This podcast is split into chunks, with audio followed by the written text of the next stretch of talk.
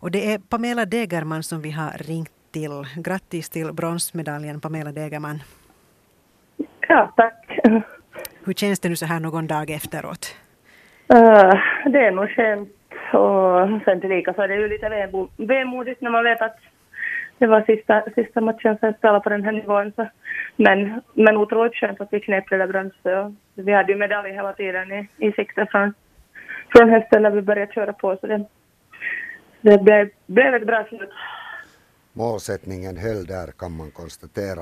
Eh, ni hade ju vunnit första matchen i Grankulla med sex måls marginal. Jag undrar att hur hur får man upp laddningen inför den andra matchen? Jag menar, det verkar ju lite klappat och klart redan efter första matchen. Var det svårt att motivera sig till den här andra matchen i Karis i lördags? Nej, nej, det var det verkligen inte. Att man vet att i handboll så sex mål plus, så det, det är ganska lite sista fast det låter, låter mycket, men att man vet att det kan hända ganska mycket. Ja, vi tog ju den där sex mål plus också på sista tio minuter i Grankulla. Så mm. därför visste man att det, det är nog absolut inte något spelat färdigt liksom, när vi kommer till, till vår egen hall, utan vi, där tänkte vi att vi spelar vårt eget spel och, och vinner även där, så då, då har vi ju säkra brons åtminstone. Så det. Hur verkar Grankulla-damerna? Hade de gett upp eller fick ni en ordentlig match i lördags? Uh, no, i början så verkade det lite sen att när de märkte att det började känna, eller liksom att vi kom igång och, och det riktigt lyckades för dem, så då fick man lite sån där feeling att, att man redan gav upp nu, att blir det här, spricker det nu iväg när vi ledde med fem men att men sen kämpade de in sig i matchen sen i andra halvleken och det kom ju liksom till 16-16 där vid ett skede, men sen, men sen ryckte vi iväg och, och då visste man ju hela tiden att vi har den där förutom det som stod på tavlan på lördag så hade vi sen en 6 plus där så det var, då, mm. det blev ganska lugnt där den sista, sista 20 minuterna av matchen. Ändå på det viset.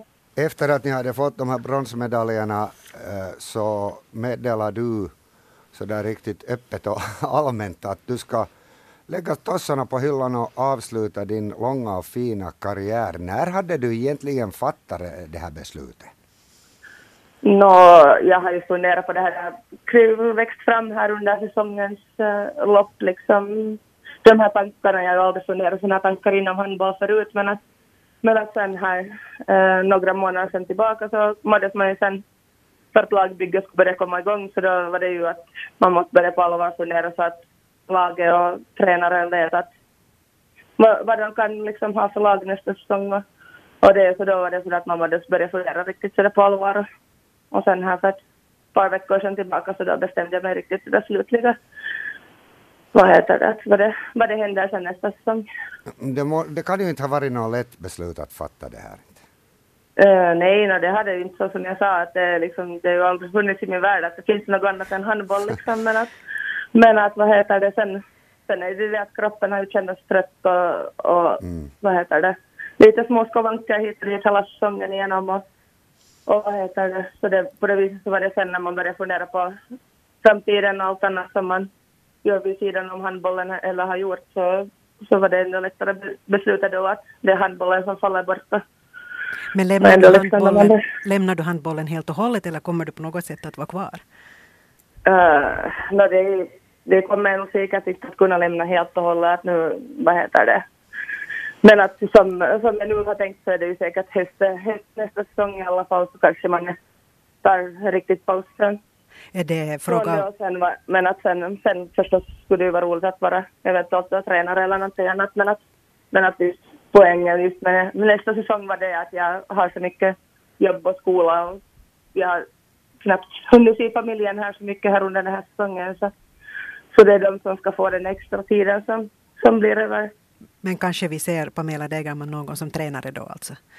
Ja, det kan hända att det finns en sån möjlighet i något lag i alla fall. Mm.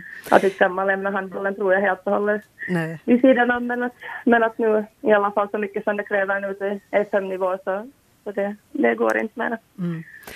Det säger alltså Pamela Degerman som eh, fick brons tillsammans med handbollsdamerna från BK46 i Karis.